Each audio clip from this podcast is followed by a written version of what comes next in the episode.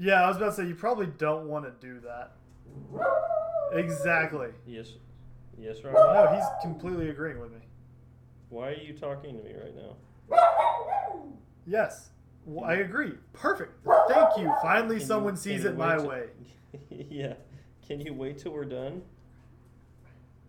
Wait till later. Patience is a virtue. Which is what we can tell all he- the listeners when we do part two. Yeah, I think he wants to uh, go to the O U T S I D E. Um, sit. No, sit. like, no. Sit. Would that help you if you were in this situation? Just Sit. Sit. Good puppy. Stay there.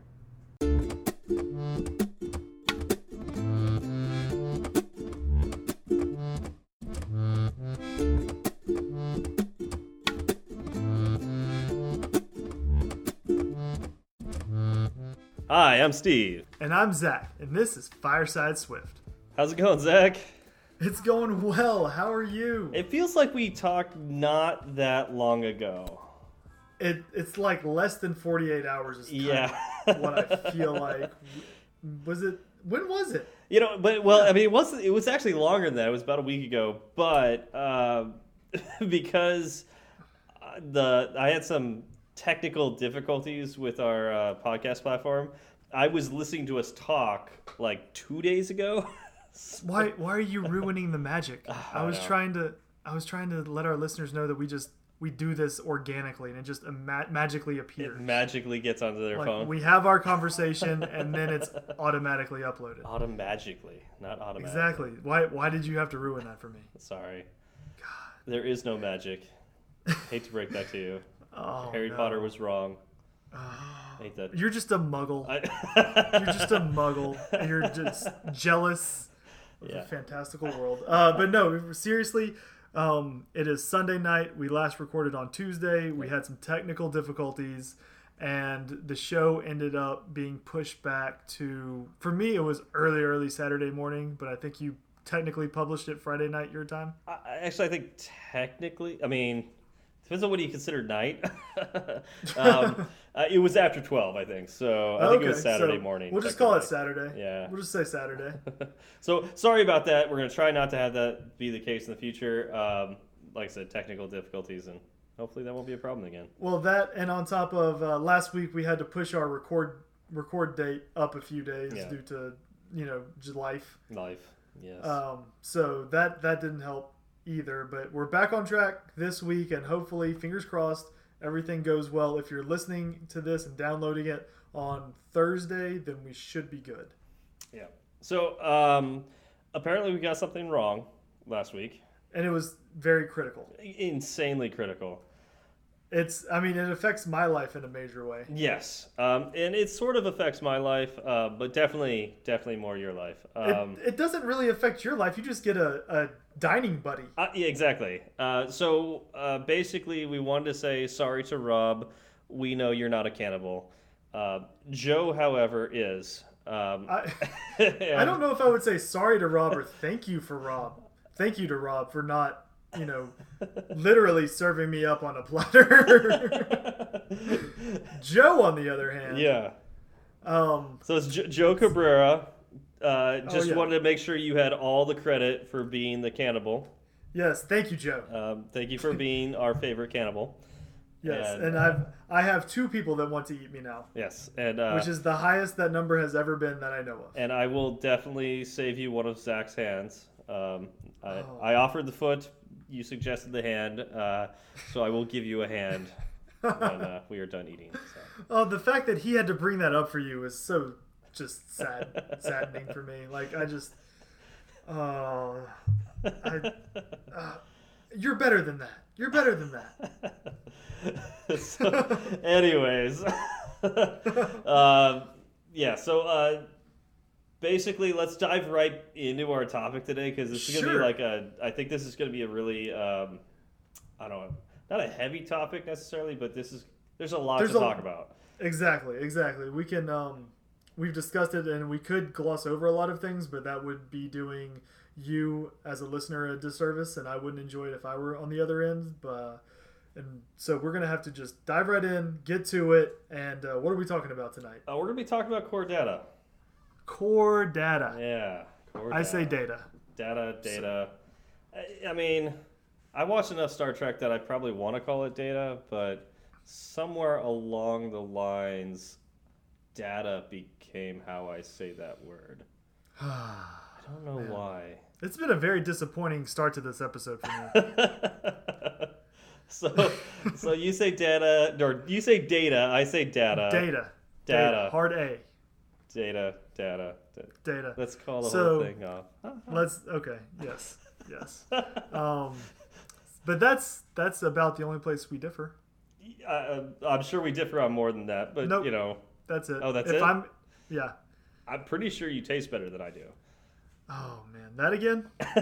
I was trying to pull you into that. Anyways, And- uh, we said we're gonna We're dive in. we're already- we're we're already already off track. we're already off track. All right. What core is- data. Zach, what is core data? So core data is a uh, framework um, that Apple is, puts out th- themselves, and it's used to store data on your phone or computer if you're writing a Mac OS application, um, and it'll save it to the disk Yes. on on whatever hardware you're using. Do we still call it a disk? I mean, it doesn't spin. It doesn't, but Can't remove I- it. I Memory. I don't. Yeah, but I really everywhere I see it, it's disk. I think that's just it's one of those things that it has been defined as disk for so long Yeah. I, I, that yeah. that's I'd, I'd be curious, like, what, what's the the right phrase? Because I don't know if it if disk is the right phrase anymore or the right term to use. Um, because I mean, it's all solid state now. Like nothing That's true. moves. Uh, it's not a disk anymore. no spinning Um, platters. No spinning platters. Um, I mean, there is fusion drive, so maybe it's saving the disk on you know a Mac, uh, but uh, definitely not on a, a MacBook Pro Mhm. anymore. Definitely not on iPhones. No, that would be really weird. But it'd be, it'd be weird to say to save to memory because that makes me think RAM and that it would disappear. It's just it's volatile. Yeah. yeah, so you are saving it to memory, but you're saving it to persistent memory, not RAM. So I guess if you want to be super technical. I'm totally be being I'm being like extra technical for some reason. That would be a good way to put it. We're I talking like about core persistent, like persistent memory. Yeah, we're gonna we're gonna be getting very technical. Yeah, so uh, we're going to try to be, uh, we're to try to keep this as uh, service level as possible, but uh, every so often we are going to have to dive in because uh, some of the unique things about core data um, require that. Um, but uh, bear with us. We'll definitely we'll come back to the surface again soon. I promise. Yes. Yeah. Before before your air tank reaches zero, Yes. hopefully. So um, I think one of the things that I've noticed about core and basically kind of what you were saying, it's a framework, uh, but it, it wraps, basically disguises how you save stuff onto your iPhone or, or Mac OS. Um, Okay, that's an interesting interesting way to put it. well, yeah, it's it's it really like you could you could use core data to save to a SQLite database. Uh, it could be binary. It could be XML. Mm. Um, but all of it gets like all that's abstracted. Like that happens Right. at the very bottom. Um, I don't even remember how you change that. I think it's in code where you select exactly what kind of database you save it as. And so you don't even really think about that when you're setting up core data and using core data in your code. Um, it's like it really abstracts it. Um, Okay. so I mean that's that's one of the things I like about core data is that um, it's this nice interface and framework on a relational database. Um, Okay. And basically, because I've done some SQL stuff before, uh, and And what are your feelings about SQL? uh, it's fine. It sucks you to say- work with. um, it can it can be a little rough. Yes. yeah, like Yes. especially relational stuff where um, so normally you have like a one to many relationship and that's fairly easy to conceptualize like array would be i have one object that you know has references to a whole bunch of different objects there's Yes. a one to many relationship right there um, but what if you have a many to many relationship and especially in a database that can get hairy with sql you'd have to have a you know two you'd actually have to have three separate tables to Yes. be able to link that up Yes, because you have to have the two tables and then the one table in the middle that maps to Both of the them. other one. Yeah. and that's I've I've written sequels before that are many many many lines long, Yeah. and it's because you're like, okay, I need data, I need data, but I need it from you know six seven different tables yeah, and you got to join them all together. And Yes, and they Yeah. all have to uh, they all have to map to the exact same object that I'm talking about. Like when I say I want, you know, reference number 00324, uh, I need to make sure that whatever that is in in this table is the same as it is in the other six tables. Yep. Yep. And how do I do that? Yeah, yeah, exactly. And and so like yeah, when you are a database designer, like or a database architect, you're thinking about these things, and it's not a problem for you because like that's what you do for a for a living. Right. Um, but for the rest of us, we like to think about it in the terms of models and how they relate to each other. So Correct. model objects and how these model objects have relationships. And so in core data, it abstracts that such that all you do is describe your model, what's in that model, like what, it, what its properties are, and then what its relationship to other, other models is. And once you've done that, core data will do the hard work of creating all the different tables in SQL for you. I know it's it's very uh, lightweight in that sense, and I love it for that. Yeah, yeah, uh, and that's that's why I use it. So I love it for that as well. But there are That some sounded like a fairly large butt. there are some buts to this. Um, okay. Why does it always have to be this way? I know, right? Um, Ah. there are some trade-offs when you use core data. It is very um, well. It's it's not thread safe, um, so we'll start Okay. with that. Um, okay, so what exactly do you mean by that? Well, we haven't done an episode on multi-threading yet, so um, It's funny how we keep stumbling into topics. I know, right? so I don't want to go too deep in into this, but uh, basically, suffice to say, you can have many different threads when your program is running. Uh, like you have your UI thread that handles all the controls on the, the front end. So if you tap a button, Yes. it, it blinks and all that. Um, and then you could have background threads that, that do stuff and don't slow down uh, your UI. So, like, let's say you've got a long running task. Um, we'll say you're fetching something from the internet. It doesn't uh, stop you stop the user from you know tapping on any button and doing things. So, you Right, you don't want to you don't want to block your user from actually interacting with your app while you have something else Yep. happening. Yep.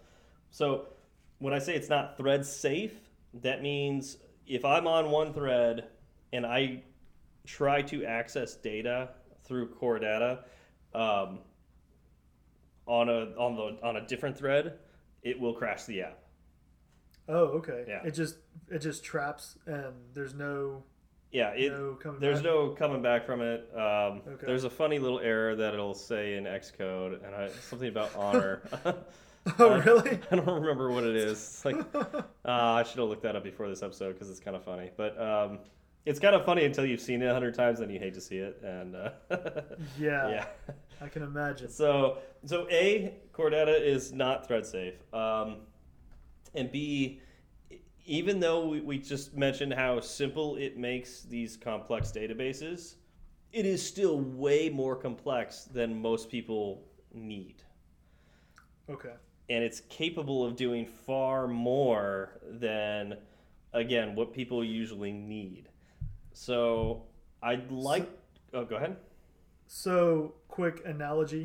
Uh, so it'd be like you need to get from your house to the grocery store, and what you need is a bike, and you end up buying a rocket ship. yeah yeah or like you know a hummer and Yeah, you're like uh, Yeah. Well, I mean, it uh, depends on how many nice, groceries you're gonna but, buy. but you know it breaks down more than my bike does and uh, it takes up a lot more of the road and i can't drive it on the sidewalk and i really wanted to drive on the sidewalk i mean i technically I can with the hummer but i'm gonna kill some Right. people yeah, um, if if they're not quick enough. Yeah, yeah. I mean, I I could probably step on the gas and make sure they're not quick enough. Oh, okay. Well, it's good to have it's good to have you know options, Yeah. user input like yeah, that. Yeah. Yeah. All right. All right. So it's which what we're saying is when you need something simple to get you for, to from point A to point B, maybe core data is uh, biting off more than you actually need. Yeah. And uh, Zach and I were talking about this before the episode. A lot of tutorials, like just just basic like boot camps and tutorials will lead you to core data, potent, possibly before you need it.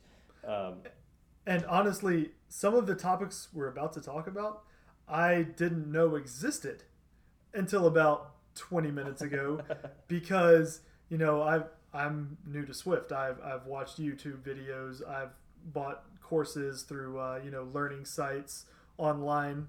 And uh, the Big Nerd Ranch, as, as much as I love them, I see core data everywhere. And I haven't really been introduced to a few of these other options.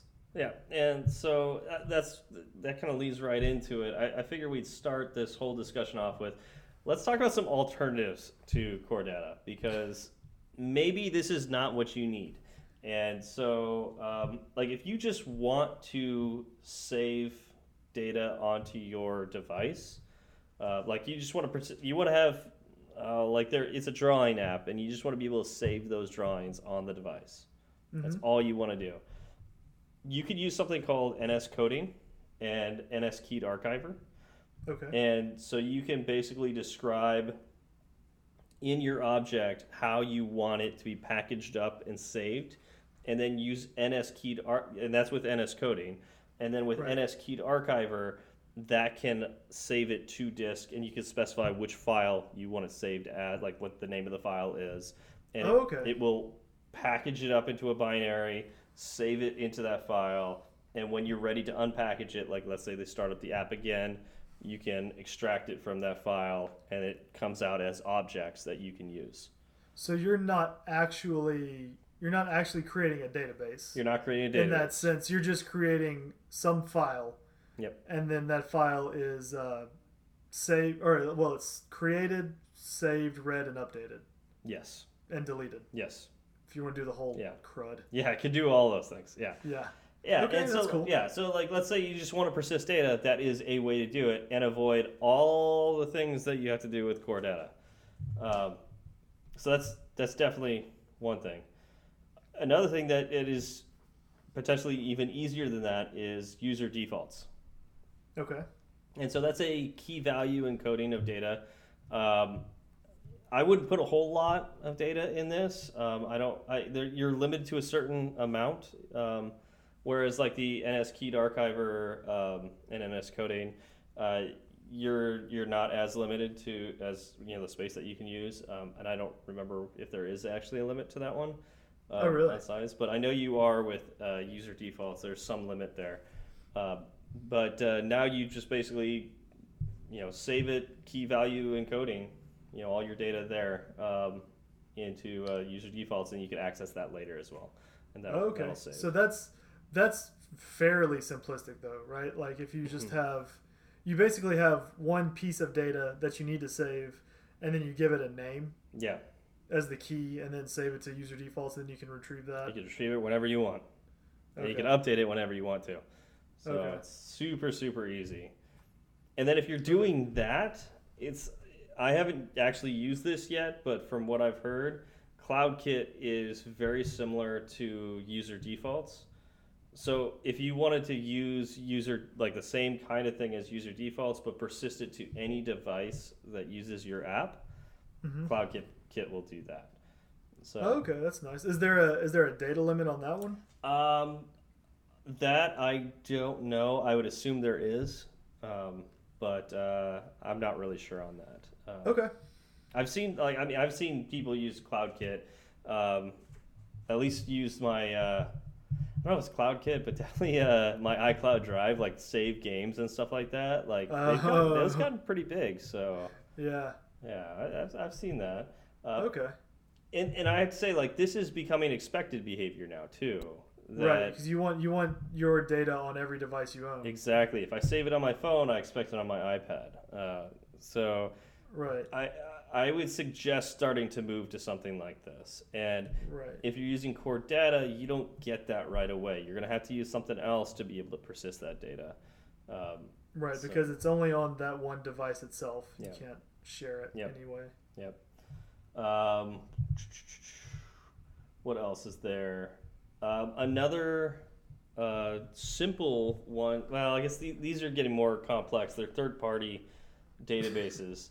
Uh, not Apple related, but uh, I'll start with the, the simpler one. Uh, Firebase is a way of persisting data, um, and it, Okay. sh- it can share data between multiple object or multiple devices, and uh, also be able to allow you to communicate with your friends and, and whatnot as well. So Right, and that's that's Google's backend. Yes. So in that case, you are actually uh, you have space somewhere within the Google Yeah. massive uh, One of their you know, servers. exactly on their server somewhere, and um, your app is making a call out to that that server, and that server is then retrieving the data and serving it up to your uh, your application. Yep, yep, and it does it in a unique way. I think one of these days we'll do an episode on Firebase. Um, I hope so. I Yeah. really I really enjoy Firebase. yeah, I'm, I'm a big fan of it. Um, so yeah, it, it uses a, a NoSQL database, which basically is a, a JSON. Um, so if you're used to manipulating JSON files, um, you'll be very familiar with the way Firebase stores data. Yes. And then the last one I want to talk about, um, unless you've got some, Zach, uh, is Realm. Uh, Realm is another type of database out there. It's a third party. Um, it's similar to Core Data. Um, in some ways, it's faster, uh, but there are certain gotchas to it as well. Um, but uh, if you are curious about it, it's realm.io. Uh, you may be familiar with it because of all the videos that they put out for like AltConf and other conferences and whatnot. Yes. So they're actually a database. They're not a video company. it's kind of funny. Yeah. No. uh, but uh, I've used them in the past, and uh, they're a fantastic solution as well. Um, I would say that it's easier to get into Realm than it is to get into Core Data. Um, Really? But there are some gotchas there too. Realm is pretty powerful, just like Core Data is pretty powerful. Okay, that's that's good to know. Um, the only one I really wanted to mention real quick was, you know, you can cache data, but it won't persist between uses. It's- It's volatile. As soon as uh, your app closes, then it's Yeah. gone. Yeah. And so, you know, that's that's a fairly terrible user experience. You go, you save a bunch of files, and then you open it up the next day, and all of your work is gone. Yep. Yeah. So uh, that's but that is one other way you can persist data for a tiny amount of time. I guess I shouldn't say persist data. Yeah. A, a way you can put data into memory for a, a small amount of time. Yeah, it's, and it's something to note about that is remember that anytime you background an app, iOS has the, uh, I guess, authority to close that app in its entirety whenever it wants. so, Yes. so like Yes. you may think you're, you know, as long as they don't swipe, you know, swipe up on it and you know, you know totally kill it, um, they still have their data. That's not necessarily true. If they just have it in the background, app, you know, iOS might might uh, just destroy it. Right, and you have zero control over when that happens. Yeah, absolutely You not. can't. you don't you even can't just you don't- tell yeah, they don't The even. operating system, like, wait, wait, no, no, hold on, hold on. Yeah. My user has some stuff here. Let's let's let's not go crazy. Yeah, you don't even get a notification. Like, there's no like the app delegate doesn't wake up or anything. Like, yeah, it's it's just Yeah, it's iOS just comes through and just punches your app right in the face. Yep. Yep. Sends it home. Yeah, it's like, nope, you're done. exactly. Pack it up. Exactly. Okay, so did we cover all the alternatives that we could think of to uh, Core Data? Yes, and, and with all of that stuff out there, why why am I even using it in the first place? Like it sounds like like we did a very good job of telling people. Yeah, you know, why why not why- use it? yeah, yeah. Maybe we can go in. Why would we want to use it? Some. Okay, so yeah, all the caveats are out now. So we're gonna dive deep into Core Data now. Yes. Why would you want to use Core Data? yes, Um, that's the million dollar question. right yeah. now.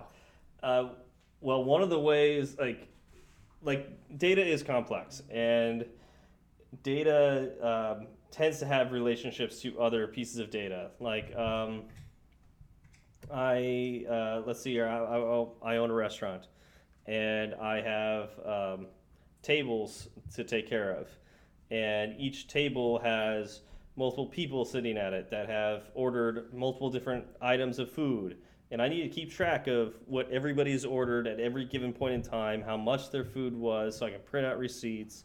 You know, be able to send it, you know, the food orders to the kitchen so the cooks can can make it and all that. So that's a lot of data, a lot of little objects, and they all interact with each other.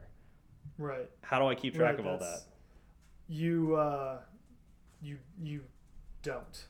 you Just- don't. Everything is free. um, no, uh, that's that's a good question. Um, a relational database could could grab all of that and keep it all together. Yeah, and I think that's where the power of core data comes into play. Is it's like we talked about before. You're describing relationships between data, and Right. once you've done that, you can traverse those relationships and access that data that you need. Plus, Right. in addition, is this is also a way of saving your data to the device. So when the app gets killed, you can access it again later. Exactly. So now, what's if if I archived some data? Okay. We we didn't really talk about that. No, no. I'm trying to think about which where you're going with this. So if I if I archive data, um, the the issue with archiving data and and trying to get it to persist is that if I wanted to uh, make a change to that data, I have to unarchive the entire file and then rewrite it and save the entire file. Actually, we did talk about this a little bit. Yeah, Um, with, the uh, NS keyed archiver. Yes, exactly. You would absolutely have to do that. Yes. Um, Right. So that that would be a pitfall for that. So That if you if you don't want to have to update that entire file every time you have uh, like say someone changes their order at the restaurant, Yeah. you know, you wouldn't want to have Imagine to say, that okay. massive file, right? Yeah, right. Like that's huge. yeah. And you know, anytime you touch data, there's a possibility that something goes wrong. yeah.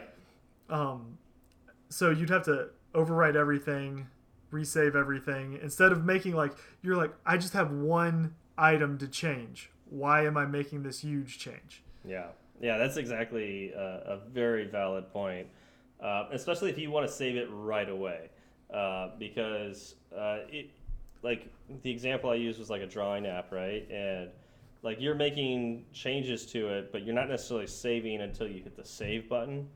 Mhm. That that would make sense for the NS Keyed Archiver because you're only making that change as soon as you hit the save button, not anywhere in between there. Right. But if you wanted like every brush stroke or you know every you know you know little little Every every time the the operating system picks up a finger like a movement. yeah, then Right, you like would want to make incremental changes. You wouldn't want to have you know, archiving wouldn't work for that. No, that would be um, that would be awful. You have to archive, unarchive, save, re-archive every time a person's finger moves on Yeah. your, in your application. I mean, I guarantee like I- they're. I mean, our, the iPad is getting like super super powerful, but I mean, it will it would stutter with that. Like you, it would have to. Yeah, it would have to. that'd be too much But going on. you're at that point, you're asking too much of the operating system Yeah. anyway. Yeah, what? Uh, geez, this is. Uh, I'm trying to think back. Uh, John Siracusa has said something about sympathy for the machine. Uh, you're definitely not showing much sympathy to the machine there. Not at all. No. Oh man, you're just force feeding it. yeah. Oh. Yeah. So, um, okay. Uh, what else? So Go- ahead. Oh well, uh, so to me, one of the reasons I like core data hmm is that defining, you know, an entity and their relationships is is easy to do. Yes. Um, Xcode makes it really simple, uh, and it's really straightforward in my mind to uh, to realize what all is happening and what all all of the relationships that are mapped out of even just one entity. Yeah. you can see everything it touches. And I, I love that it kind of it makes you think about that it goes both ways because it's really easy in like when you're creating a database, a relational database, and you make a a relation to another piece of data. Like it's really easy to forget that you you might want to go the opposite direction. Right. Exactly. and, and in core data, uh, you know, it, it really just makes it obvious that you can, and it, it makes it pretty easy. Right. Um, so yeah, I I completely agree with that. yeah. Um, so I mean, I'm, I'm, I'm as we've stated on the show before, I am all for ease of use. yes, yes, me too, me too. Okay, so we talked a little bit about why you should use it.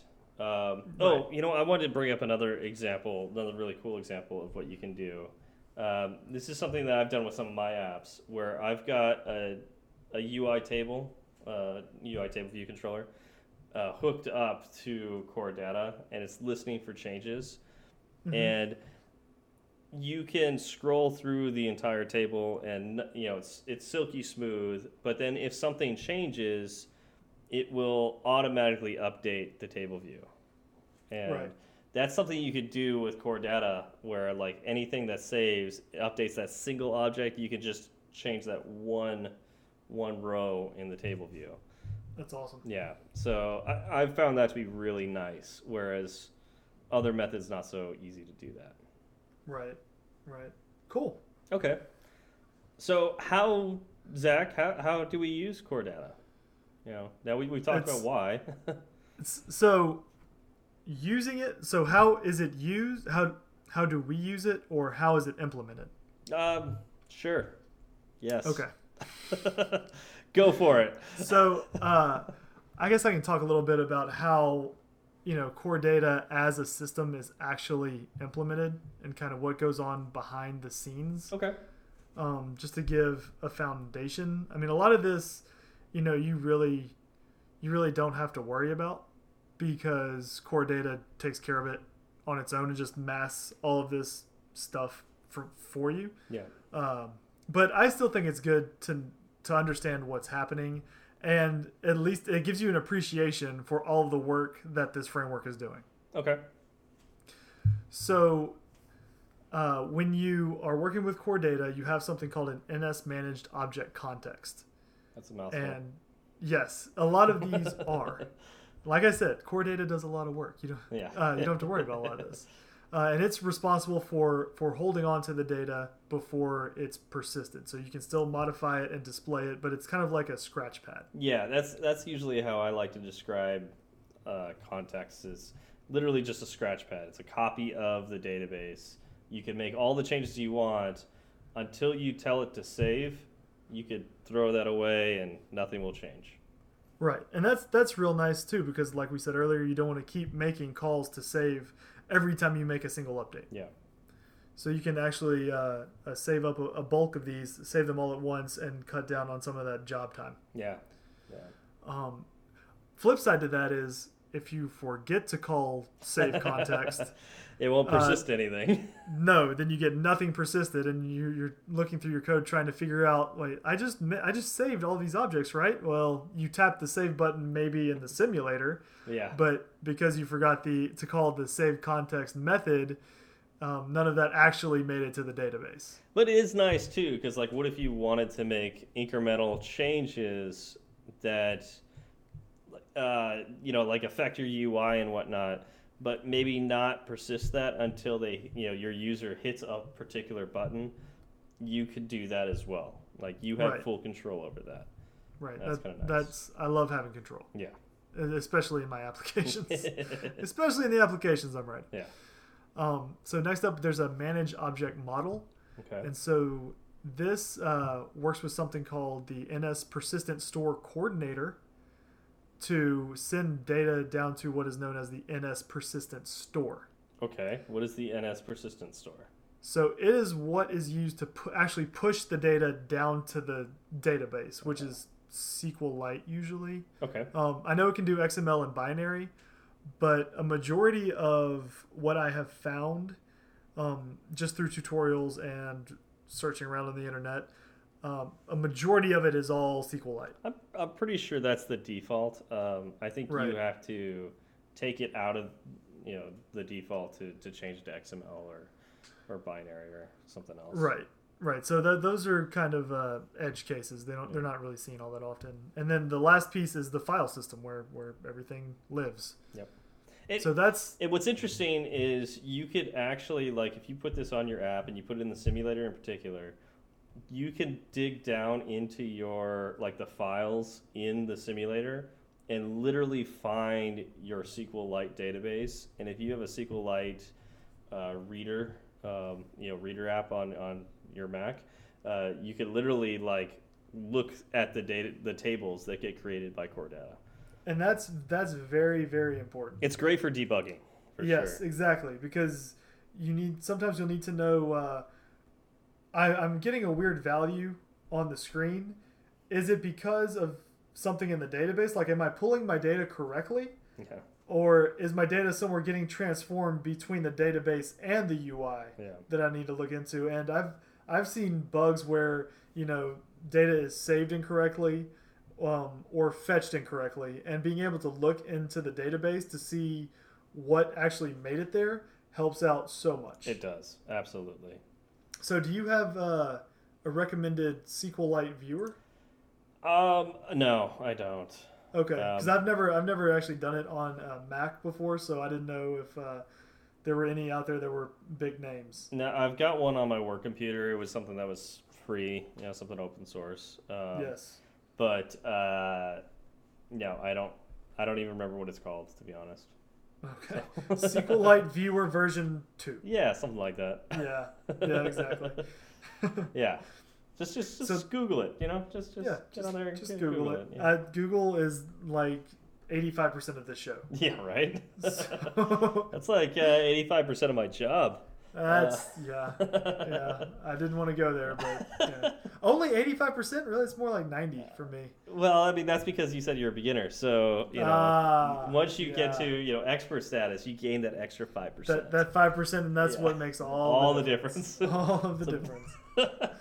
Uh, okay, so once I once I know I can reliably cut that five percent out, then I'm good to go. Yep. Oh yeah. Oh totally. Okay. It's funny you never really see that on job applications. You know they really should though. Right? like how well can you Google something? Like that- exactly. Uh, Put that on your resume. I wonder what would happen. Yeah, they do. Like, They do the I'm white. a very efficient Googler. they do the whiteboard interviews, um, but you don't like that's not what you do in your real job. Uh, you know, Right? And those whiteboard interviews, like, it makes no sense. I've Yeah. never once been asked to uh, code something from scratch on a whiteboard Yeah. out of nowhere. yeah, uh, they do the uh, the algorithm tests, right? Yes. Oh, Um, know your bubble sort. I haven't- You got to really know your bubble sort. I have never implemented a bubble sort of any kind for any of my apps because sort already exists in the Oh, I languages know, that I use. so what do you do when this happens? I call dot sort. Exactly. And then I don't worry about it anymore. or I Google it. Yeah. Because guess what? Google's a thing, and uh, uh, so, anyways, that that really should be the test. Like for interviews, Right. Google right. this. If they if they want to get a real look into how your workday will be, yeah, Google it. yeah, I'm wondering how many people didn't get a second callback that are actually good programmers, but because they didn't know one one-off question, yeah. they they lost their chance. That's I'm gonna say it's a little crazy. I'm gonna say too many, far too, far too many. I agree. With But that's I guess that's that company's loss. So yeah, exactly. I mean, the good news is good programmers tend to land on their feet. yeah, So we uh, we're living in a world where um, we are in high demand. So you, you know That's good you news know for us. you know why they land on their feet oh god, because they're persistent. Just like I- just like core data. I don't I don't know if persistent is the right They're word. So you're saying if you're saying like if if as you were trying to eat me, I threw you off a building, but Wha- if you're what? Persistent enough, you're landing on your feet. yeah. I mean that might break my legs, but We have so much to test. All right, so I don't even remember where we were. Uh, you said persistent. Oh, we uh yeah, so we've kind of gone through the implementation. Yes. We've talked about what happens behind the scenes, the stuff that you actually don't really need to worry about all that much. You know, the stuff that the framework's taken care of. Um, but let's talk about the things that me as a as a developer, what do I have to do to get core data to work? okay. Um, I just click I've- that little checkbox when I create a project, right? Well, that's that's something you can do. You don't have to do it. It it helps. Yeah, I actually uh, I don't recommend clicking that box. Um, I do. so I mean, As a beginner, yeah, as a, well, I okay. click the box. I would make another project, click that box, and see what comes out of it.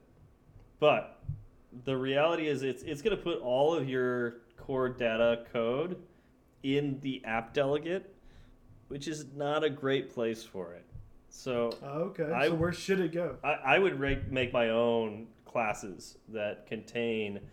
You know, it's all about abstracting, right? Like you want to you want to make this modular. So you want to make a you know like a database type class that has uh, you know maybe a protocol that uh, you know is associated with it. Uh, that way, if you decide to not use core data in the future, you can replace that with whatever kind of database structure you want in the future. So. Uh, so I thought checking that box just generated the uh, .xc data model file. It does that. It also puts code. If you look in your app delegate, you'll see a whole bunch of code there that gets added for starting up the database, uh, creating uh, a managed object context. Um, oh yeah. Yep, all of it's yeah. right there. So uh, there it is. Uh, it's, this is real time disappointment. is, it, is, is, this disappointment or, or uh, amazement that Steven actually knows what he's talking about? I mean, it's a little bit of both. I'm. What if the disappointment is that you know what you're talking about? I, I never said why I was disappointed. I feel like that shouldn't disappoint you. Mm. All right. Anyway. but yeah, no, it's it's very true. Everything he's saying is true. So yeah, if you click that box, like it's gonna put code in there for you, which is fine, uh, and you're more than welcome to use that code to you know uh, cut it out and put it in a different class. Uh, but it, and it's you don't have to have you don't have to have app delegate do that for you. Is kind of where I'm saying. Like, okay. you could put that somewhere else if you wanted to, um, and and I would recommend putting it somewhere else to be honest. So, but when you're getting started, that's another way to do it. It's just there's that little checkbox when you're creating yep. a project. Yep. And, and the, uh... don't be afraid if you haven't checked that box. Like it's not that hard to actually implement core data. So if, if that's the only stuff it does, then no. Yeah. It it just when things are abstracted out to that checkbox, it makes it feel very magical. Yeah. Like, yeah. oh, if I'm, I'm going to use core data, so I better make sure this is clicked. Yeah, but what if you've had like a project that you've finished and you know it's like, you know, you spent two years on it or a year right. on it or months even. You know, uh, I don't want to go back and create a brand new project. Yeah, that would be a pain. So. You got my and dog in Rocky there. does yeah, not either. He He's does like, not. That sounds terrible. Apparently, there's oh, a man. an intruder. Uh, all right. So uh, now that you've got core data started up, um, what do we do then, Zach? So the first thing I do is I go into my XC data model file. Okay. And it's a nice little GUI, and it lets me define my entities and relationships. Okay. And this is one of the best parts to me of, of core data. It makes things super super smooth, super easy, and there are even two different editor styles. I was just, I was uh, about to say something about that. Which one do you like the most? There's the uh, the table editor and the object editor. I I kind of switch back and forth. Okay. Um, I define in the table and then I check in the uh, graph. Okay. Yeah, because, I, I like to define relationships through the, the object editor. Um, yeah. But yeah, usually when I'm setting up my my models brand new, I'll do it through the uh, the table editor. Yeah. So so in the table editor, um, well, the first thing you'll do is you'll uh, create an entity, and there's a nice little button there, add entity. Like you know, click me, yeah. basically. Yeah. So you click that, and it'll generate a new uh, a new entity, and you go in there and you can define your attributes, and you can even define you and define the types of those attributes. Yeah, and your attributes are basically your properties on the model. Exactly. So. Like exactly. So, uh, I mean, and your entity is basically a class. So think about it that exactly. way. You've got a class and you have properties. They give them different names because there's a little more to them than just class and property. But if you want to think about it that way, you wouldn't be that far off course. Correct. Correct. So after um, after you define the attributes, there's a, another section where you can define the relationships. Uh, but before you define a relationship, you need to have well, yeah, you need to have another entity. Yeah, right? you, can, yeah, you can't have a relationship with yourself. Uh, right. I've seen yeah. I've seen some programming languages where you have, but it's really awkward. I guess I've never tried. Really esoteric, and it seems like it's going to be something that would make things really convoluted really quickly. Um, but I I didn't know if you could do that in Swift, so I didn't want to bring it up. I just did it. Did you? Did it work? It, I mean, it, it did make a relationship. Um, See? And, I, and if you're in the object graph, it shows a little arrow going Uh, out from right back to itself. right back to itself with two. Yeah, under relationships, it has two relationships. That's kind of So it will let you do it. I don't suggest doing that I don't suggest it either. um, unless you really want to have some headaches later on. Yeah, I don't. I don't know what that would. How many problems that would cause. exactly. So if you want to add a relationship, the first thing I would do would be create a new entity, and then um, you define that entity the same way you defined the first one. You know, give it its attributes, give the types of the attributes, and then in the relationship, uh, you you add the relationship, you give it a name, you give it the destination, which is you know what does this have a relationship to? So what what other entity does this have a relationship to? and then it gives you um, the option of def- defining it whether it's an inverse or not. And, it- And here's a little trick to you know for for those of us who can't think that abstractly about it. Um, if you're in the object editor style, if you hold Control and click on the first entity and then drag to the second entity and let go, it'll create a relationship between those two entities. Done. And that's Yeah. that's basically what's going on in the table. Yeah. Um, but it's you know it's it's Xcode. We love control clicking and dragging. Yeah, right? yeah. This is very similar to, you know, when you've got an object in the inter, in interface builder and you want to, you know, link it to your view controller. So it's the same Right. concept. Right. Yeah. I define again. I define mine in the table, but that's probably more to do with the background I have, where I don't have the the luxury of a of a nice GUI, yeah, like, and everything is defined, you know, with with words basically. yeah. Um, but I do really, really like that that graph model. Yeah. Uh, one thing you need to watch out for when you're defining your relationship is you need to tell Xcode uh, whether it is a one-to-one relationship or a one-to-many relationship. And it can be a many to many relationship as right, well. Right, and many to many. Yes. Yeah. Um, because if you uh, if you forget to do that correctly, you'll end up with some issues later on when you're actually coding. Yep, totally agree with that.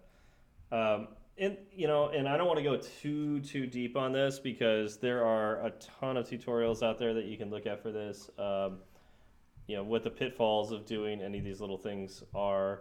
Uh, but uh, yeah, so like I, I don't want to get too deep into that. Um, again, we could spend hours talking about it. So. Right. Um, so what, once we have our relationships, once we have our entities, what do we do Oh. then? this is this is my favorite part because it takes care of the work for me. Okay. Love it. Uh, go up to editor and then click create NS managed object subclass. Okay. And what does that do? It generates the code for you. What, so what, what does it generate for us? It generates your models. Uh, it basically so it'll generate two class per two classes per en- entity. Okay.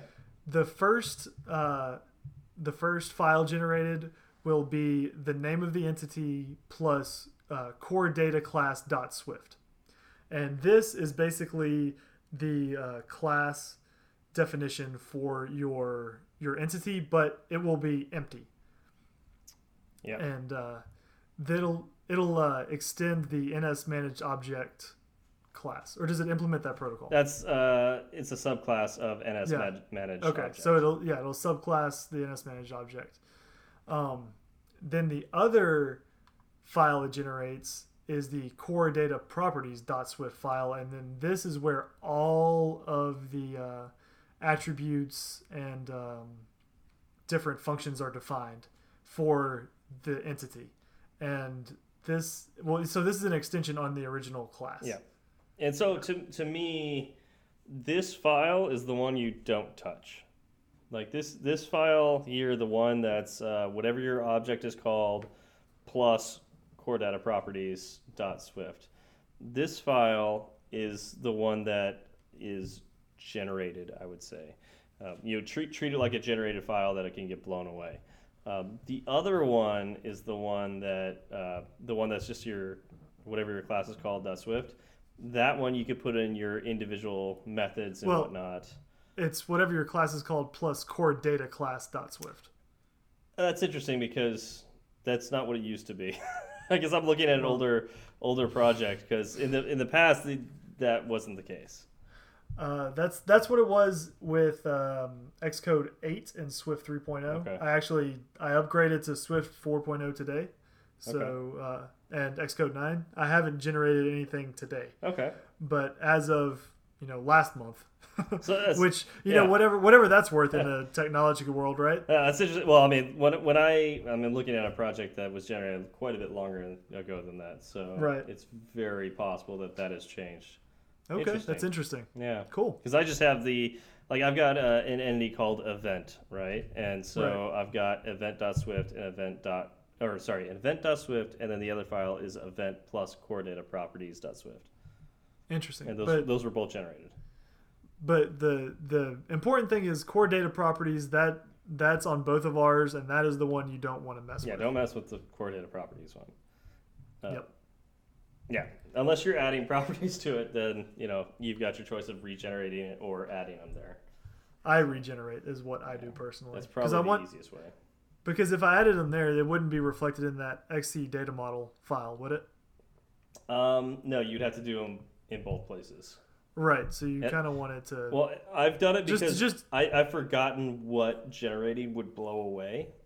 Oh, and so in order to, I mean, it would be too hard. Everything's in version control. I could figure it out, but right. uh, it's just so much easier to like just I added one property. Like I've got maybe 20 properties on you know a certain Right. object.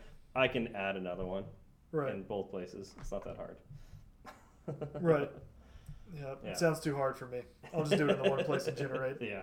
It's nice it's it is really nice that you can generate that because that's one less thing to think about. Yep. Exactly. Okay. Exactly. So now we have our entity, entities and we have our relationships to each other. So what do we do now?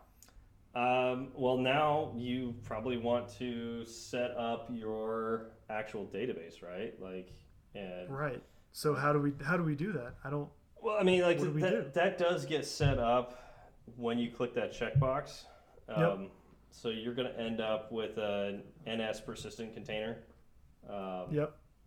And that, if I remember this right, uh, that NS persistent container is it holds the code that literally updates your database. Am I thinking that right? I believe so. Okay. Yes. And so you would make manage object contexts. Fr- that's a plural. Manage object contexts. That's, that's really hard All to right. say. Yes. from Yes. from the persistent container, correct? Correct. And then, so I, I once I've done that, that context is basically a scratch pad of what is in the database. It's, it's, it's like a copy. It's like a copy of what's in the database. Um, now I can add stuff to this context and I can change things in it, and it's going to look like it's a real database, but it technically isn't until I tell it to save, and then it'll save to the persist. It'll tell the persist container to save it to the database, and and then it gets saved to disk. It'll push all, all the stuff down to the di- right. Yeah, Cool. if it is a disk, right. If it might be. we're calling it disk, yeah, it might not be. we disk. mean persistent memory. yeah. if if you want to be super technical. um, now, what's interesting about this is when you make these contexts, they could be on, and we talked about thread safety. So you have to choose if you want it on the UI thread or a background thread, and that matters. Now, I would say most tutorials will probably have you'll probably only have one context, and it will probably be on the UI thread. That's exactly where all of mine were. Okay. It is not necessarily a good idea to do that. The reason I say that is making changes to the database and saving those changes to the actual database. Both of those both of those things take time. And Right. uh, if you have if you have your context on the UI thread, that can sh- literally cause jitters and slowdowns on your UI. So like somebody might not be able to hit the uh, hit a button, or Right. if they're scrolling through a table view, it might stutter. Um, So right, so you'll have a bad user experience. you might have yeah you might have a bad user experience, especially if you have a lot of data and you're updating a lot. Like uh, let's say you're grabbing stuff from the internet and using that to update your your tables. Yeah. Um, that can cause problems, and so I spent a lot of time trying to figure out how to get around this. Um, and I actually looked at Big Nerd Ranch's blog. They've Who got was that? Big Nerd Ranch. Oh, okay. I think I've heard of them. I think I've heard of them before. Yeah. Um, they actually have a really great core data stack, and they've got a really great set of blog posts describing how their core data stack works.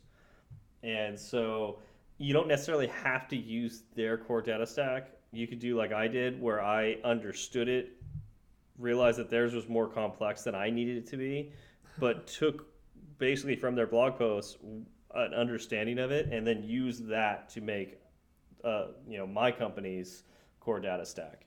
Oh, nice. And so what we use is we use a um, the initial context is on the background thread.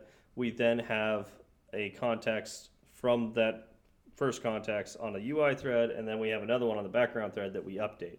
And so whenever we get new data in that we need to change, we update the update context, and when that saves, it changes the UI context, which then saves and then pushes that to the the final, you know, the original context that saves it to the database. And so that way, all the, you know, mostly, you know, stuff that, that really slows down the, the OS and slows down your threads, that happens on background threads. Okay, cool. Yeah. So, uh, can we get a link to that that blog post in our show notes? Yeah, yeah. I'll, I'll throw uh, a link to the Big Nerd Ranch one in the, the show notes. And I actually wrote a blog post on how we do it at my company. And so I'll throw that in the show notes as well. Perfect. Yeah. Thank you. You're welcome. uh, but it, this can get really complex really fast, and I'd say like doing it this way is not the end all be all way of doing it, and it has caused uh, innumerable numbers of headaches because now I have to really think multi-threaded. I can't just say, oh, when I'm accessing core data, it has to be always on the UI thread. That would be really nice. No, I need to think about this. Uh, I got this object. Which thread is this object on? and Right. it gets really, really complex really fast. So one way, one way it's kind of more straightforward, but you could run into issues with the UI as your uh, as your app you know fetches and saves. Um, the other way, you don't worry about that. You don't have to worry about the UI thread as much. Well, you have to worry about the UI thread, but you don't have to worry about the UI jumping um, as much. But the downside is you can crash your app if you're if you're accessing objects and other threads. Yeah. Okay. Yep. Okay. Man, yep. it's a hard one. Yeah. So I mean, but at the end of the day, I'm able to have a very, very complex database that I can access. You know, like relationships around my objects really easily, and make changes to those objects, and it and it cascades to you know anything else that I need to do on the UI. So right. um, it it works out pretty well for us. Oh, that's good. That's good. Yeah. I mean, I guess I guess you know once you get it settled, um, that's really where you want to be, right? Yeah. Once you once you get all the the threading issues worked out, then you're in probably the best shape possible. Yeah, because when it works, it works extremely well. Exactly. Yeah. But when it doesn't, everything blows up. yeah, it so can be a little, That's little tricky, a little hard to debug. Yeah. that's for sure. okay. Cool. Um. So uh, you know, like one of the things uh, we didn't talk about was like how, uh, like once you've got this, like one of the pow- one of the most powerful things with uh, with SQL or SQL, depending on how you want to say that, um, is all the queries we can do. Uh, how, how do you do queries with core data, or can you do queries with core data? You you can and you do them through the NS fetch request. Okay. and then uh, that'll use an N- you can use so sorry let me back up a little bit use ns fetch request to actually grab the data from the database okay. You can use ns predicates to determine what is fetched. So a predicate is basically going to be uh, a rule that you uh, in- invoke on the fetch, saying, you know, only bring me back data that matches this, or alternatively, you know, doesn't match this. And just to put Yeah. it straightforward. And I have a, a love hate relationship with NS predicates um, because a I, I I love that I can use the the terminology that I learned when I did SQL statements, and it's very similar to that, and it makes sense to me. Yep. On the other hand, it is literally a hard coded string Yes, it is. which means I get no pre-compiler help, no auto completion. No, No. you are on your Yeah. own. It's a, a runtime.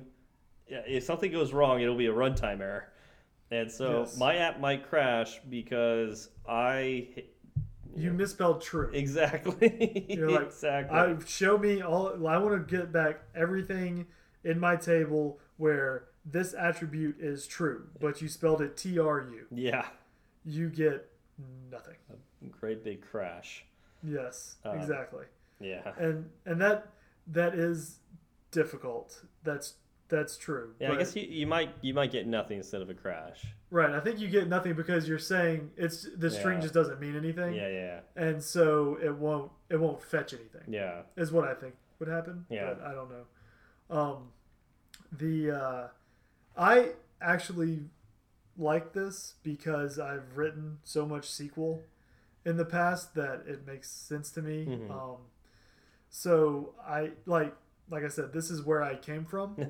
so I'm I'm good with it. yeah But I can see how you know it, it'll be difficult. It'll be more difficult than the you know some alternative. it's just not very swifty It's not. Yeah. It's not, and I, I completely admit that. Which makes sense. I mean, it wasn't when when Core Data was created. It wasn't created when Swift was created. It was created with Objective C in mind. So Right. even then, I would say it's not very Objective C ish. But right, because where are the brackets? yeah, where are the brackets? Where are the brackets? I mean, they used to be all around when, when you, you can still get the brackets. If just just make you know create your Core Data stack in Objective C, and you'll get plenty of brackets. no. um, something else. So, so you can filter your data based on predicates that you define. You can sort your data using an NS sort descriptor. That's right. Yeah, I forgot about that. and those. so you'll you'll give a key, and the key is you, it will be an attribute on that entity. Yep. And then you can say whether you want it ascending or descending. that's right. Yep. Or actually, I think it's just ascending true or false. Yeah, which would be exactly what you said. One would Right, be, but- you'd be descending. But you don't. Yes. Yeah, right. Yeah. Exactly. Yeah. But it's just it's just the ascending keyword Yeah. or not keyword, but Yeah. uh, parameter. And you could get really, really complex with all this. You could have compound predicates as well, um, which means like you can have, like you could put logic on your predicates. You could have this predicate and this predicate, or this predicate, and you could actually have Yes. a like combination of those. So for those of you who have taken a uh, a true programming logic class, uh, you would love predicates. Um, Oh, I do. I you can get so I have I have my favorite. I have a compound predicate with so it's an and predicate with sub predicates, and it's wonderful. Okay, yeah, yeah. It's like I said, I like predicates. I, I should show you some of our predicates that we do at work. Um, yeah, we we've got some interesting ones for for sorting and whatnot. Uh, yeah. Yeah. it got fun. If, if you have a, if you come from a SQL background or you've written SQL in the past, I feel like they're fairly easy to wrap your head around. If you don't, I would I would have been completely lost. yeah, it, well, I think the hardest part with the with predicates and whatnot is it's it's kind of like a black box until you understand it.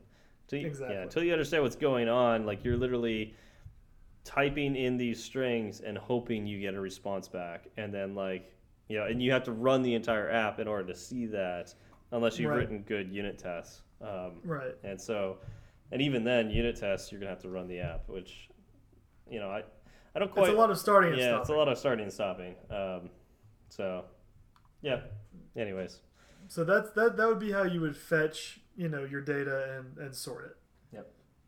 And so updating is when you know once you fetch it and you have it there, you can then manipulate it some way, and then you just resave it basically. Like you just call save again, right? Yeah, and I think that's one of the cool things about core data is like when you have fetched these objects, they are Swift objects after after you fetch them, and you can change them. Yeah, they're all all the the properties I think are required to be vars, not lets. I believe so. And so you could change any of the entities on them, and then once you and because it's a reference, it's a class. Um, you know, go back to which episode was that? I think two. I believe two. Yeah, I think it was two. We've we've done Yeah. nearly ten of these. I know, it's crazy. uh, anyway, so yeah, you can yeah the reference it's a reference object, so you can actually like change these values, and you're changing the one object that it is a reference to, uh, and then once you call save, it will cascade that all the way down to your database, and now this is officially saved into your database. Right. Yep, and that's uh, that's that's it's nice that it'll save just that object. Like it won't create a new row in that table. No, Uh, I mean you Right. can you if you, You wanted to. you can, but if you just want to update one row, Yeah, you call save and it won't create a new row. It'll just update the old one, right? Correct. Yes. Yep. Yep, yep, yep. Um, I'm trying to think if there's anything more. I mean, we've we've kind of covered it at a pretty decent level, I believe. I think. I think so. If if you have any further questions, please let us know and write us, and we'll do our best to uh, answer them. And if there's if there's too many questions, we can just create another episode. Yeah, I was gonna say we, we, we did kind of fly through this, and uh, literally we could have we we Zach and I were talking about this at a time. Like we know we could have spent hours on this topic, and we debated whether or not we want to do this as two episodes or you know multi-part or whatever.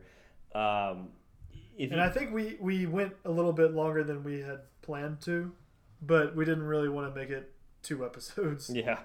So, So- but but if we if there's something that's confusing you about this at all, please uh, you know connect with us on Twitter. Um, if you're part of the uh, Swift Coders Slack channel, please ask us questions there. Uh, We're happy to help. Um, and uh, you know, if we get enough questions and whatnot, we, we could definitely make another episode on this and go deeper into the, the specific things that are are causing people problems with with core data. I would I would love to. Please give me homework. yeah, Zach loves homework, so I'm so ha- I mean, I honestly like I'm learning from doing it, so I am happy happy to do it. And if it's a, if it's a good enough problem, a good enough question, uh, you'll you'll probably get me to do homework too, because I'll be curious about it. So now that's a challenge. that's the challenge right there. Get me to do homework. yeah, I'm just I'll just do any homework. I'm Yeah, you know it's whatever. But if it's good enough, maybe Steve will pitch in. Possibly. Very nice. So that's that's core data at a fairly high level. Yeah, yeah, very high level. All right, so um, definitely want to give a shout out to uh, Learn Swift podcast, uh, Zach, uh, who was uh, on the last episode. It was Patrick McCrory, and to be 100% honest, I have not listened yet because I'm fairly sure that uh, Steven, the other Steven, not you, Steven, Ah, right, No, Texas, Texas Steven. Texas Steven. right? So the better Steven. Uh, Uh, I'm pretty sure I don't know about this he one. brought it. Shh, it's okay. I'm pretty sure he's the one that doesn't want to eat me, right? Uh, I'm that pretty does sure. not make him better. That makes me better. so he ran into issues as well. Um, I think he ended up getting his his podcast out a little bit later. So I haven't actually listened to it yet, but I'm sure it's fantastic. Yeah, yeah. So, and that's also part of the Swift Coders network of podcasts. Um, also, uh, the Swift Coders podcast is uh, is currently in the which season three, I think. Season four. Four, three, three, One of those. I, I don't Anyways, Garric is, I mean- has started up again, so uh, he's he's plowing through there. I don't know who his latest guest was. Uh, It was. I don't think he's put one up since we recorded on Tuesday. oh, really? Okay. Well, there we go. I- Garric, get I on don't it. It's been a crazy week. I don't know, but yeah, his other one came out. Remember, he had two last week, so maybe he just got that Maybe one that's what it was. All right. So Cool. Um, so outside of that, um, if you found anything we said today to be, you know, enlightening, maybe we, we taught you a little something about core data, uh, or if you just found us entertaining, we would love uh, for you to go and review us on whichever platform you're currently consuming this on.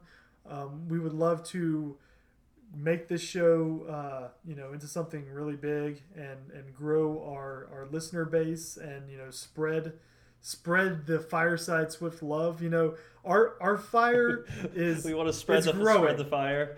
we want to spread the fire. Just everything is flames. Our fire right now, we're at like so we went from like a ba- little baby campfire, and we're kind of growing. Now we're at a larger fire, maybe like you know ten or fifteen people can be around it. I want this to be a bonfire. I want to light this thing up, and to do that, we need we need your help. Uh, please go out, you know, review us, leave us, uh, you know, five stars. That'd be fantastic. And um, you know, if you know anybody else that is considering learning Swift, feel free to point them our way. Yep, yep, we're here to help. All right, so Zach, how do we reach you? So you can reach me uh, on Twitter. My handle is zfalgout1. That is Z F is in Frank A L G O U T and then the number one. And you can reach me on the Twitterverse with uh, at SW Berard. That's B as in boy, E R A R D as in dog.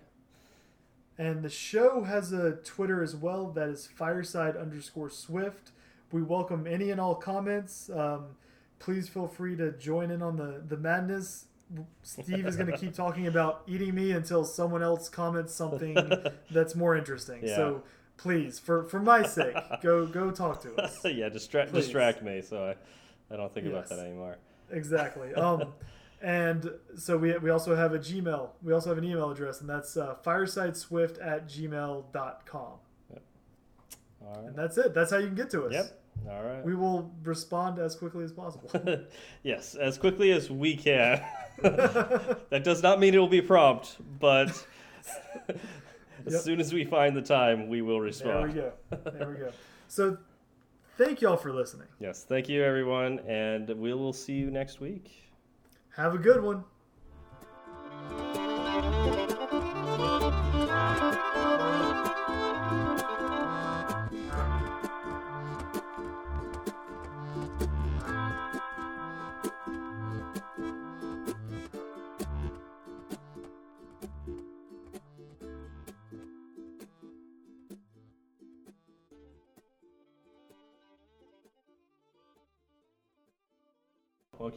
About now?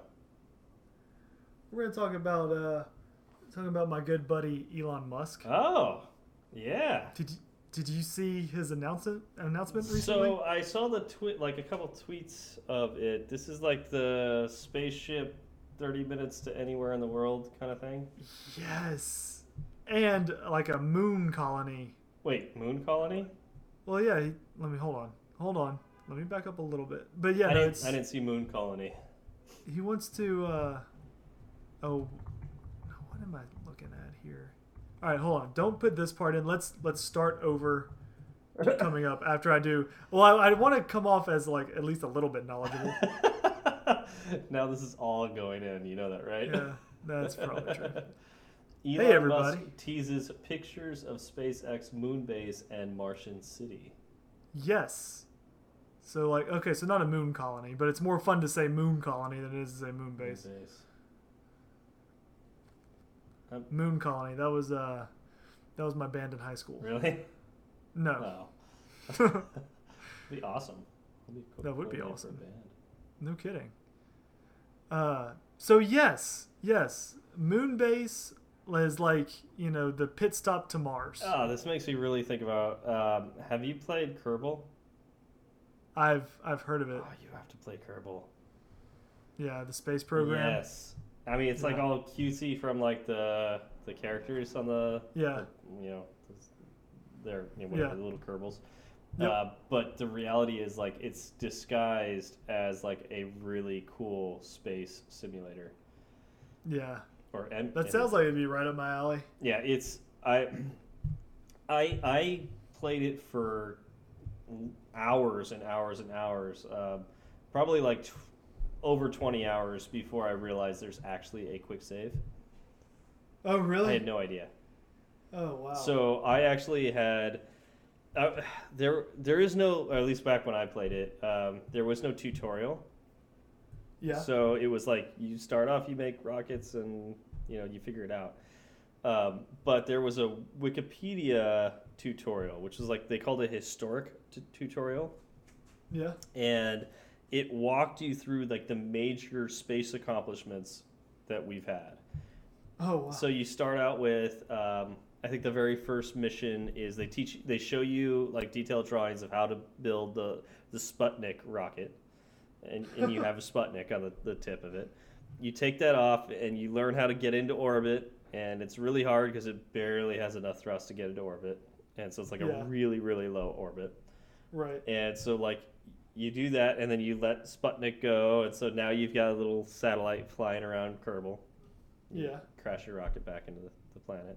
As as you do. Yep.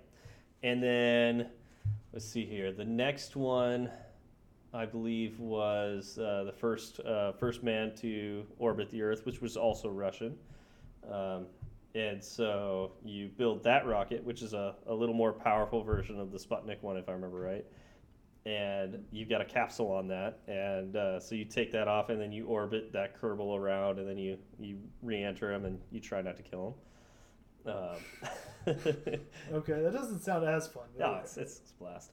Um, literally. yeah, and uh, and then the next one is, uh, and I hadn't, I didn't know they did this, but Russia actually was the first to soft land on the moon. Uh, Oh really? Not with a person, but with a like a drone. And so what they did is they, Ah. yeah, so they so you you recreate this historic mission where you get you get into orbit around Kerbal, and then you actually shoot off towards the moon, get in orbit around the moon, and then you have like this one tiny little capsule that is, uh, yeah, not uh, person controlled. You know, it's a computer, and you land you soft land that on the moon, and it's got a little yeah, it basically dies after a little while because it's just got like a little bit of power. But you know that right. so that's really cool that like I didn't I had no idea the Russians actually did that before um, United States did it. Um, and then uh, the next couple missions are uh, U.S. missions. So like, uh, what was the next one? Um, I think the next major accomplishment was Gemini. I'm gonna. I'm just gonna let you school me. Yeah, I, I'm, I'm, I think Let's it's go to class. I think it's Gemini. I could be wrong, but um, in preparation, like the, you know, obviously, like the Russians were like way ahead of uh, the United States, and so uh, we like our goal was like, okay, so we need to land a man on moon on the moon before they do, and so we had come up with the idea of how we were going to do that with uh, the Apollo missions. And in order to execute on the Apollo missions, we had to do something that was never done before, and that was docking in space. right. And so the entire Gemini mission series was done just so we could practice that. And so this was a really intense uh, mission. It was really, really hard. Yeah. Um, yeah. No, I've, I've watched a documentary about it. Yeah, it's it's Yeah. way crazier. It's like that's one of the crazy things about Kerbal. By the way, I had while doing this, I had no idea there was a quick save. Um, so Right. yeah, so if I if I do anything wrong, I I have to start from scratch, from ground floor, take off another rocket. Um, Let's, let's start all over. all over. And- Perfect. And, so, um, so you build uh, the two Gemini rockets. Um, you launch one, get it into orbit, and you know you try to get it at a, at a certain altitude. So the the other one is you, you know you hit the same target. Um, Right. You launch the other one, same orbit. You know, hopefully close. I didn't get it close. Um, Oh, no. I was like, like, and they were Was like, it a near miss at least? no, they were like, uh, you know, Oh. the opposite sides of the planet. Okay, so maybe maybe you forgot to carry a couple of digits Yeah. in your math. Yeah. And uh, and then bad things happen. yeah, and, and so like, we, we, this is fine. Like, it's really not that bad. Um, now that I know how to do this, but when I was first doing this, and I'm like, okay, so I just need to speed. Uh, you know, I I need to speed up to get to this guy. So I, you know, you try to boost with one rocket to get it closer to the other one. Except when you do that, you actually get further away. Okay. So, um, I'm trying to think how. So, how did you do that? How did you put yourself in reverse? so this is one of those crazy things about astrophysics. Like, in order to go faster, you actually want to boost the opposite direction that you're going Mhm. because you want to put yourself into a lower orbit.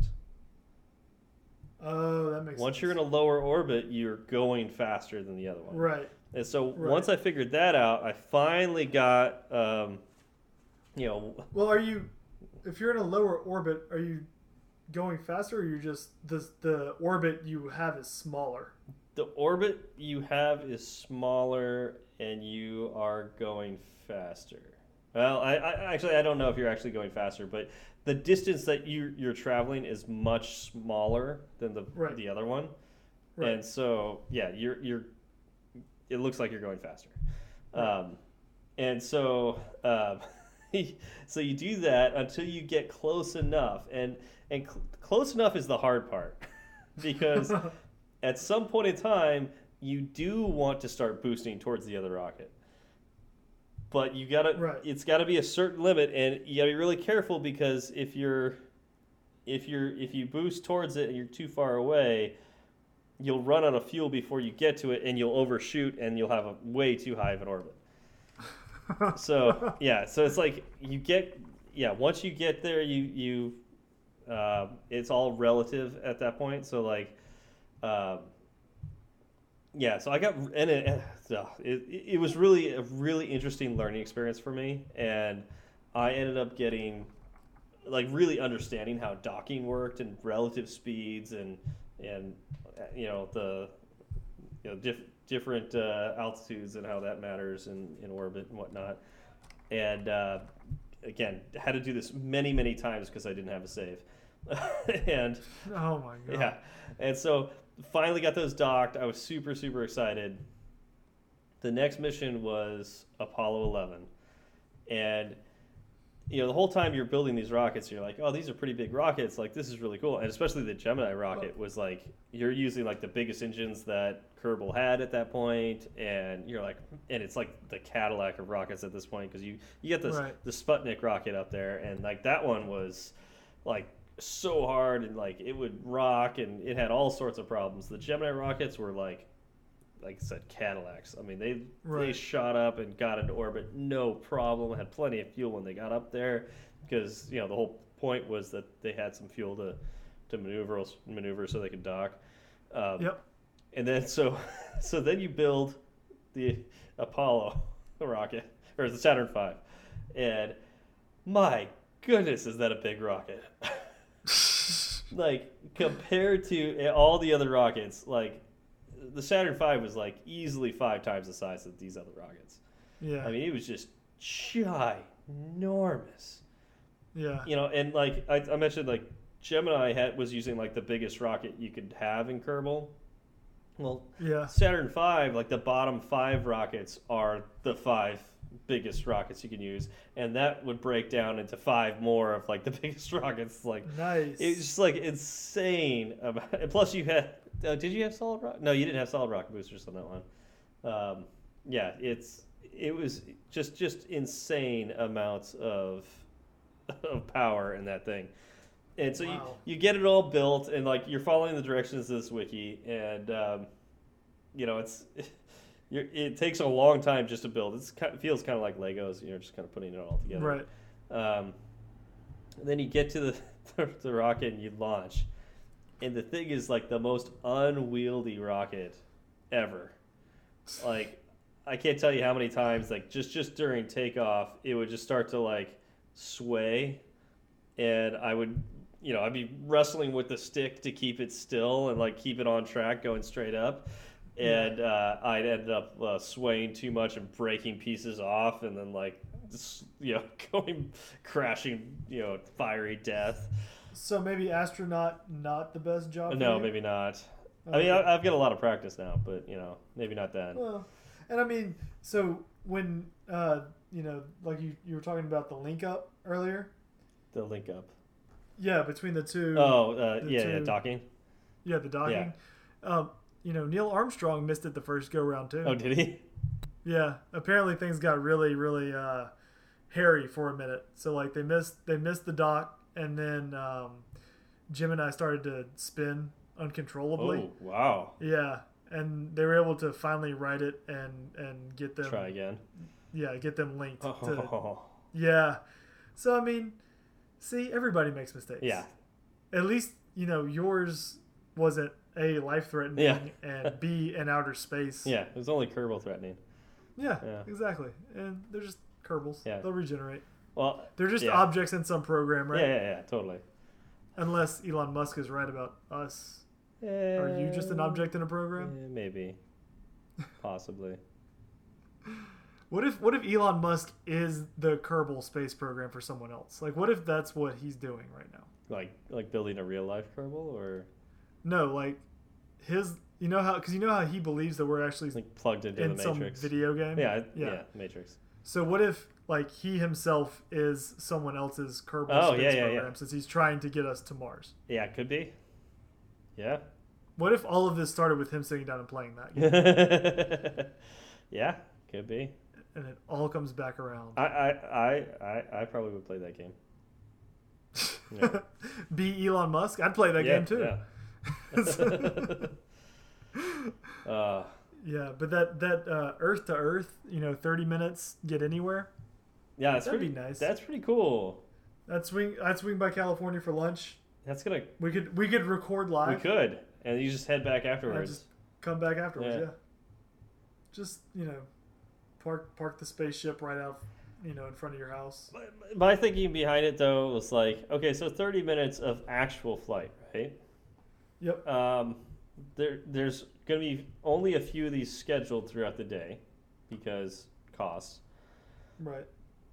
And, and it's it- not like they can take many people at once either. Yep.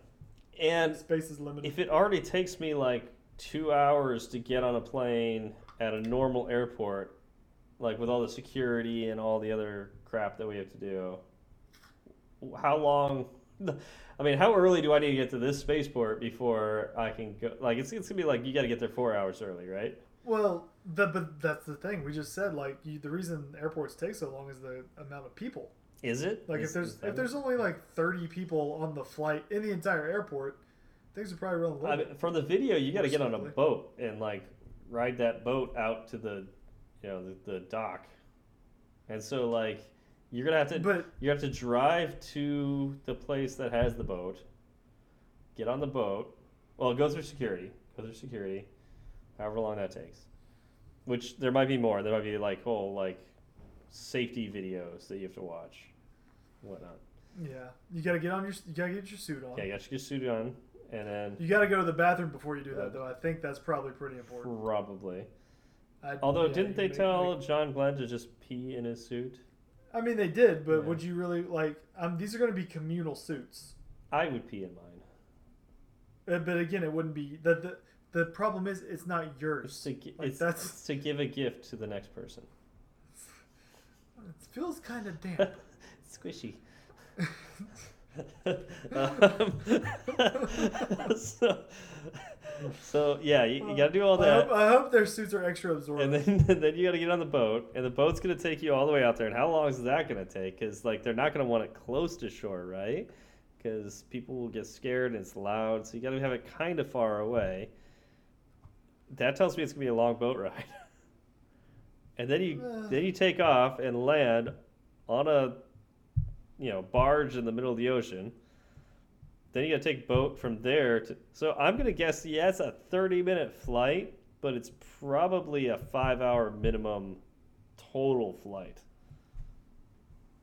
yeah, I can see that. Yeah. I can see that. But still, I mean, five hours if I'm flying to No, to uh, China or something like that is India, great. Yeah. Australia, yeah, like that's Yeah. that's you're saving yourself days. Oh yeah. like literal days. I know, I know some people I work with uh, from India, and it takes them a solid three days to get there and three days to get back Wait. Like. because because of all the layovers Uh, and you know connecting flights. Like Okay. they, you know, there aren't a ton of options that are super direct. Yeah, that makes sense. And so they'll be like, yeah, we had you know a whole day somewhere in Europe Yeah. While they were waiting on a flight to. Well, that, it, that's what I hate about layovers too. It's not like a good day. It's not like, oh, I can go out and explore Europe. No, no, that's a day that you're in the airport. You can't leave yeah, the airport. Exactly.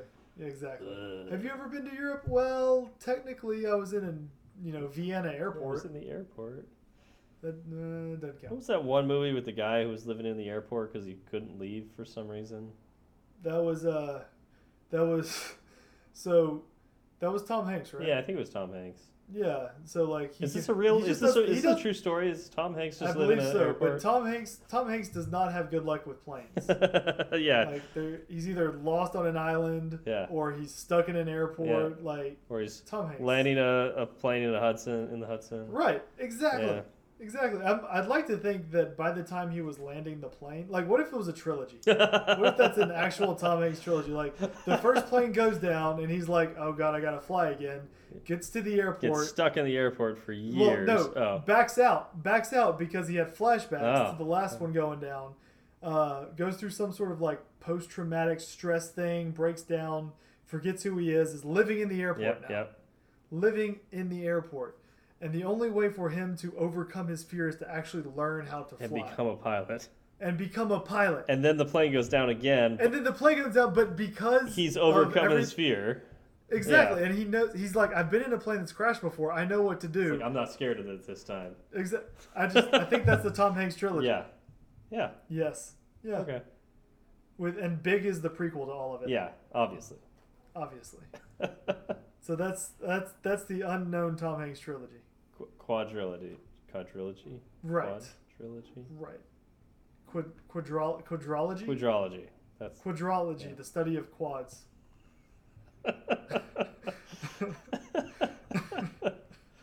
yes.